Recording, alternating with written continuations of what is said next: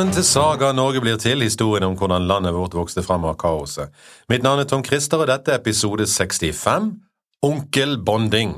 Bak spakene her i Radio Aske studio sitter Kim Andreassen. Vi har altså tatt et steg tilbake og bort fra Norge.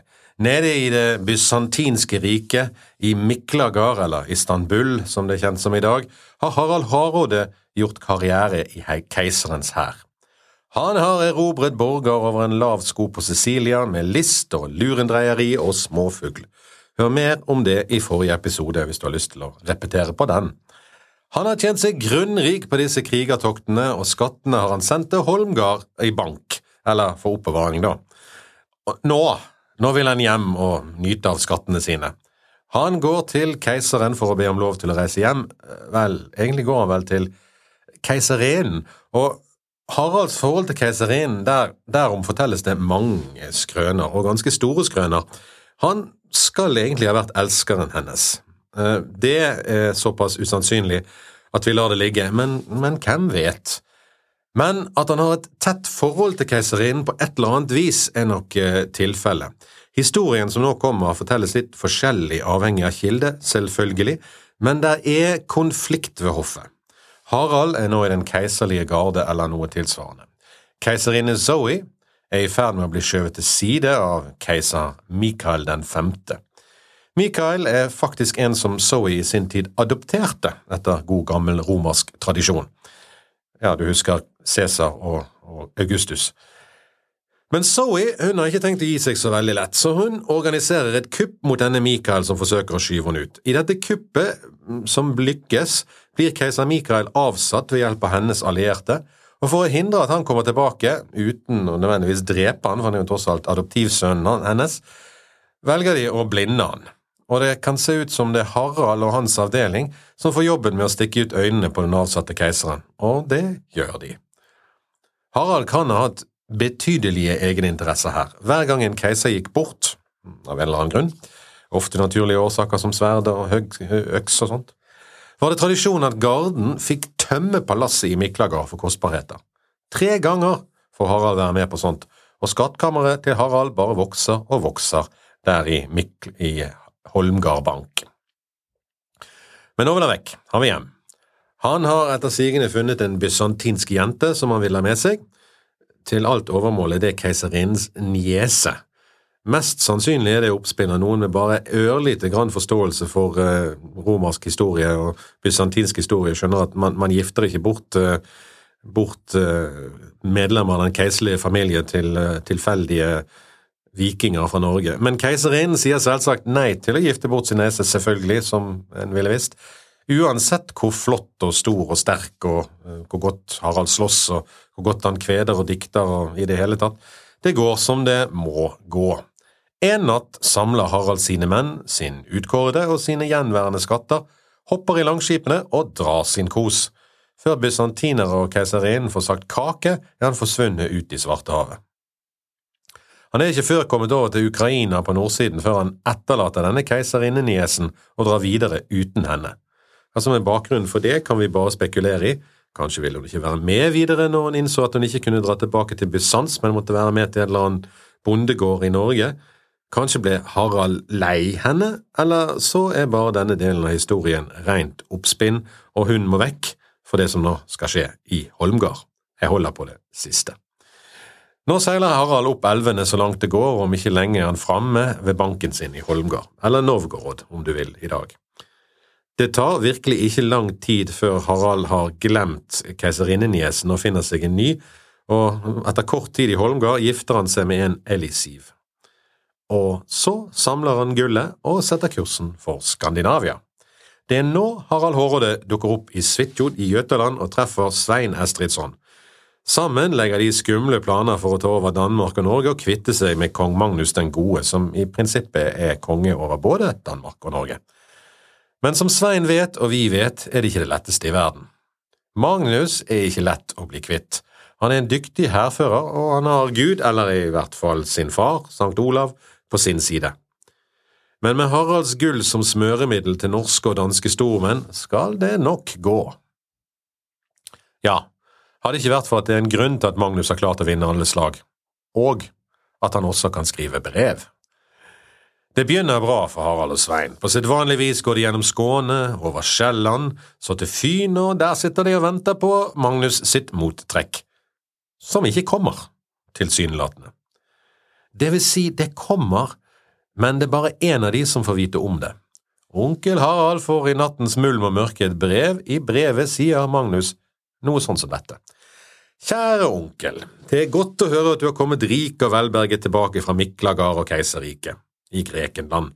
Jeg hører du til og med har fått en kone, mine gratulasjoner til brudeparet, måtte dere bli velsignet med mange barn og et lykkelig ekteskap. Men jeg er litt lei meg for å høre at du har slått deg sammen med den banditten og tølperen og erkefienden min Svein, som er en sann pest og plage og forsøker å rane kronen min. Kunne vi ikke holde dette i familien? Dersom du er villig til å dele gullet, er jeg villig til å dele riket. Hva tenker du, onkel? Eller et eller annet sånt skriver Magnus. Det kommer i hvert fall et brev, og eh, Magnus er i stand til å avlevere det, og Harald er i stand til å få det lest opp. Harald blir tankefull, det skal sies. Men han går med på avtalen med Magnus i hemmelighet. Vi vet ikke egentlig om han hadde tenkt å holde avtalen, eller om det bare er skuebrød, men han går nå med på avtalen. Og uansett så setter Harald og Svein seg ned for å ta en prat. Det er mulig at Harald har tenkt å liksom bare hjelpe litt på avtalen med Svein her, eh, men det er også svært mulig at Svein, dansken, har drukket litt vel mye bayer denne kvelden. Svein spør, av alle de skatter du har skaffet deg, hva er det du priser høyest? Ja, det er merket mitt, landøderen. Enhver som kjemper under den, vil alltid få se. så! Det skal jeg tro om du holder tre slag mot sin frende Magnus og slår han tre ganger. Det er en skikkelig fornærmelse, egentlig, og Harald blir sint. Jeg kjenner frendskapet mellom meg og min nevø, du trenger ikke minne meg på det, og selv om vi nå farer med hærskjold mot hverandre, så er det ikke sånn at vi ikke kunne møttes fredeligere. Da blir Svein fornærmet og sint og rød i toppen, som de sier i sagaen, for han føler at Harald her antyder at han godt kan samarbeide med Magnus om Svein ikke oppfører seg, noe som faktisk er tilfellet, eh, noe som faktisk Harald har avtalt. Mange sier at du, Harald, bare holder de avtaler som gagner deg best. Harald svarer, færre ganger vet du jeg har brutt avtaler enn Magnus vil si at du har brutt avtaler med han. Dette er farlig prat, og Harald aner at her kan skje ting. Det er ganske dumt av Svein å utfordre sin nye allierte, så det kan vel tenkes han har mistanker mot Harald, eller har fått nyss i den avtalen Harald har gjort med Magnus. Når Harald nå går tilbake til båten, tar han forholdsregler. Han legger seg ikke der han vanligvis gjør. Der legger han derimot en stor trestokk, og så går han og gjemmer seg et annet sted i båten. Litt utpå natten kommer en liten robåt roende ut over fjorden. Umerkelig glir den opp på siden av Haralds skip. En mann klatrer opp over relingen på skipet til Harald. Han har en øks i hånden. Han finner veien fram til løftingen der Harald vanligvis sover. Der ser han en skikkelse ligge og hugger uten videre til med øksen. Så hardt er slaget at øksen sitter fast ja, du gjettet det, trestokken. Mannen flykter over bord og ror bort. Men Harald har merket uroen og hørt slaget fra øksen. Han går bort og ser hva som har skjedd. Straks vekker han sine menn og tar de med bort og viser øksen som står igjen i stokken. Her ser dere, vi har ikke makt mot Svein når han gir seg til svikråd mot oss, det er best vi kommer oss herifra. I mørke natten klargjør Harald og hans menn skipene igjen og seiler vekk. De seiler uten stans til de finner kong Magnus. De to frendene møtes med glede og er vel forlikte, for nå er det avtalen som gjelder. Det sier at Haralds skuter er så fulle av gull at de ligger skjevt i vannet. Magnus inviterer til gjestebud. Harald kommer med 60 av sine nærmeste venner, og i gjestebudet deler Magnus ut gaver, som han kan. Sverd til den første, skjold til den andre og gode gaver til alle i Haralds følge. Til sist kommer han til Harald, og da har han bare to rørkjepper igjen. Hvilken vil du ha, spør Magnus. Den som er nærmest, svarer Harald. Da sier Magnus, med denne rørkjepp gir jeg deg det halve Norgesveldet med alle skylder og skatter og all eiendom som ligger dertil, med den avtale at du skal være konge alle steder i Norge med samme rett som meg. Men når vi begge er sammen, skal jeg være formann i hilsen og tjeneste og sed. Hvis det er tre fyrstelige menn sammen, skal jeg sitte i midten, og jeg skal ha Kongsleden og Kongsbryggen. Du skal også støtte og styrke vårt rike til gjengjeld for at vi gjør deg til den mann i Norge som jeg trodde ingen skulle bli så lenge mitt hode var oppe ovenfor mollen. Egentlig sier Magnus her vi skal dele riket, men jeg er først i alt, likevel. Hvordan tar Harald det? Jo, da står Harald opp og takker ham vel for kongsnavnet og hederen. De setter seg begge ned og er meget glade denne dagen. Om kvelden går Harald og hans menn til sitt skip. Harald godtar å være nummer to på en måte. Det skal vise seg senere i, oss, i en for oss litt underlig episode. Kongsledende hvor i fjorden skipet skal seile, eller kanskje like mye hvor kongens skip skal seile når de sammen seiler ut fjorden. En dag de seiler slik sammen, er Harald først ute og legger seg i denne posisjonen. Det skal ikke Magnus ha noe av, og væpner sine folk når de legger ut. Harald ser dette og viker uten kamp, sånn avtalen egentlig er. Men ikke sånn han gjorde den gang han kom i konflikt med en uh, bysantinsk general. Men her får Magnus kongsleden, og det blir ingen borgerkrig de to imellom, eller kamp, eller lodd som må kastes i hytt og pine. I det store og det hele er det det som er melodien i dette forholdet, de får det til å fungere, men vi må tilbake til der de deler makten. Dagen etter at uh, Magnus har gitt han rørstokken, så lar Magnus blåse hele hæren til seg. Og det kan jo være litt skummelt. Alle samler seg forventningsfulle og litt urolige, for hva skal egentlig Magnus med hele hæren? Harald ser seg litt varsomt omkring, men kong Magnus setter ting og reiser seg og proklamerer den gaven han har gitt Harald, at nå er riket og makten delt de to imellom. Han har tenkt å holde avtalen, og nå er det Haralds tur til å gi gaver. Nordmennene gjør store øyne når Harald først bærer ut en stor oksehud. Han bærer inn sin skatt og legger den på oksehuden. Så veier de opp og deler den med Magnus etter vekt. Aldri har noen sett så mye gull. Når Harald spør hvor Magnus sitt gull er, så sier han at nei, det er brukt opp for å føre krig mot Svein Estridsson. Det eneste jeg har, sier Magnus, er denne ringen. Det er en gullring han har på fingeren. Han tar den av og gir den til Harald. Ja, sier Harald, og selv den kan det vel diskuteres om er din? Om den er min, sier Magnus, om ikke jeg eier denne, så har jeg aldri eid noe, denne ble gitt meg av min far sist gang vi så hverandre, aller siste gang vi så hverandre, i Holmgard. Harald nikter bekreftende. Ja, og det var etter at han tvang den fra min far for en bagatell. Det var harde tider for småkonger din far styrte, ler han. Det er på en måte en utfordring, men avhengig av hvordan det blir sagt, er det også en advarsel. Den samme advarselen Magnus har fått før, ikke styr for hardt. Harald sier det med latter, og dermed unngår han fornærmelsen, men ingen skal styre hardere enn Harald når han får sjansen. Magnus tar det pent, ingen grunn til å ødelegge den gode stemningen nå for en rings skyld, når han har fått så mye gull av sin onkel. Gilde fortsetter i godt humør. Men så er det Svein Estridsson, da. Hva gjør han når han våkner morgenen etter at Haraldfuglen har fløyet og drapsforsøket åpenbart er mislykket? Han grubler litt.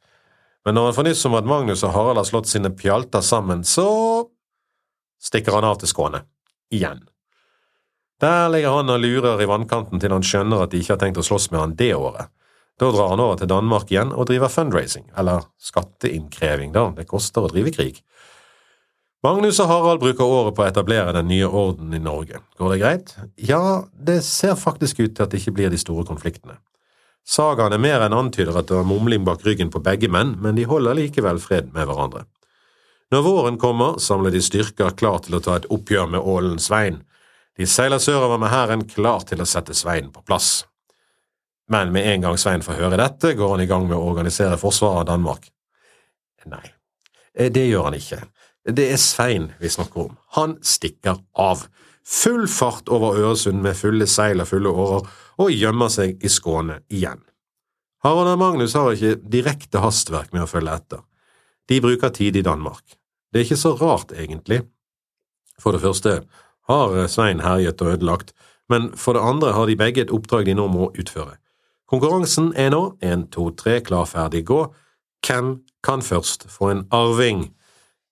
Men ingen av de skal få dette i Danmark dette året. Det vil si, Kanskje gjør Harald det, men i så fall vet han det ikke ennå. Kanskje har han fått en gravid kone, men som sagt, den, det vet han ikke. Men så skjer det noe som skal endre hele spillet. Vi vet ikke helt hva som skjer, det er litt forskjellige historier ute og går, som vanlig, Men som du kanskje husker, så var det sånn at unge konger som delte makt eller avtaler om etterfølgere, hadde en lei tendens til å dø unge fort, ganske raskt, etter at sånne avtaler var inngått. Og her er to versjoner av det som nå skjer, men ingen av de antyder at det er noe, eh, noe forbrytelse i, i, i ferde. Versjon én i Snorre er at Magnus blir syk, at han får en eller annen sykdom. Versjon to er at han faller av hesten og skader seg alvorlig. Det er ikke nødvendigvis noen motsetning mellom de historiene, eh, men det som skjer er at Magnus blir alvorlig skadet eller syk. Etter noen tid dør han sottedøden. Det kan normalt forstås som han døde av sykdom. Det kan for eksempel være en infeksjon han fikk da han skadet seg i fallet, eller det kan være noe annet, enn smittsom sykdom av en eller annen art. Han dør altså ikke i kamp, ikke med støvler på, det er poenget. Og med ett slag er Harald blitt enekonge.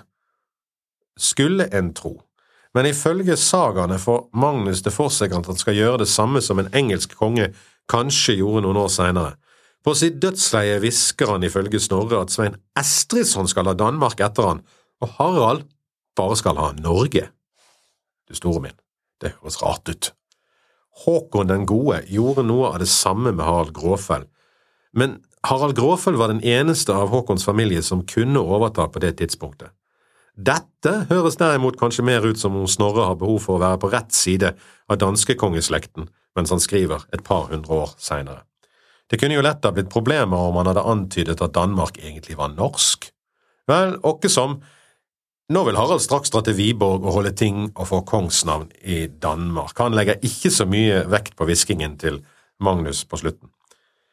Men vi aner konturene av hvor disse siste ordene kommer fra når Einar Tambarskjelvet trer inn i diskusjonen.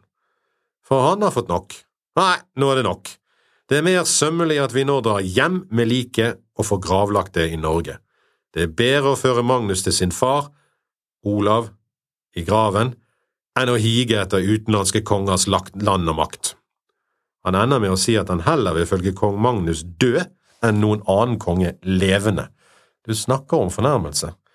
Dette er egentlig en maktkamp mellom Tambarskjelv og Harald som nå utspiller seg. Einar higer etter jarlemakten i Trøndelag, bryr seg ikke så mye om Danmark, så han vil hjem så fort som mulig. Og det vil nordmennene òg. De har egentlig i stor grad fulgt Magnus, så de legger ned våpenet og drar hjem. Og plutselig har ikke Harald noe her eller noe valg. Svein Estridsson snor seg unna igjen. Makan til flaks til den danske ålen. Hvordan kommer dette til å gå når Harald og Einar kommer hjem og Magnus endelig i jorden? Vel, det får du vente til neste episode med å høre, men nå avslutter vi med et vers fra Håvamål. Vannklok mann veit alt han trur. Der mellom bergi han bur. Men når framann folk honum finn, råløs røynes han da. Du kan virke smart i din egen trangvik, men du må virkelig ut for å lære noe av andre for å bli virkelig klok. Mitt navn er Tom Christer, dette var episode 65, Onkelbonding. Bak spakene her i Radio Aske studio har Kim Andreassen satt. Har du spørsmål eller kommentarer, send de til tom.christer at gmail.com.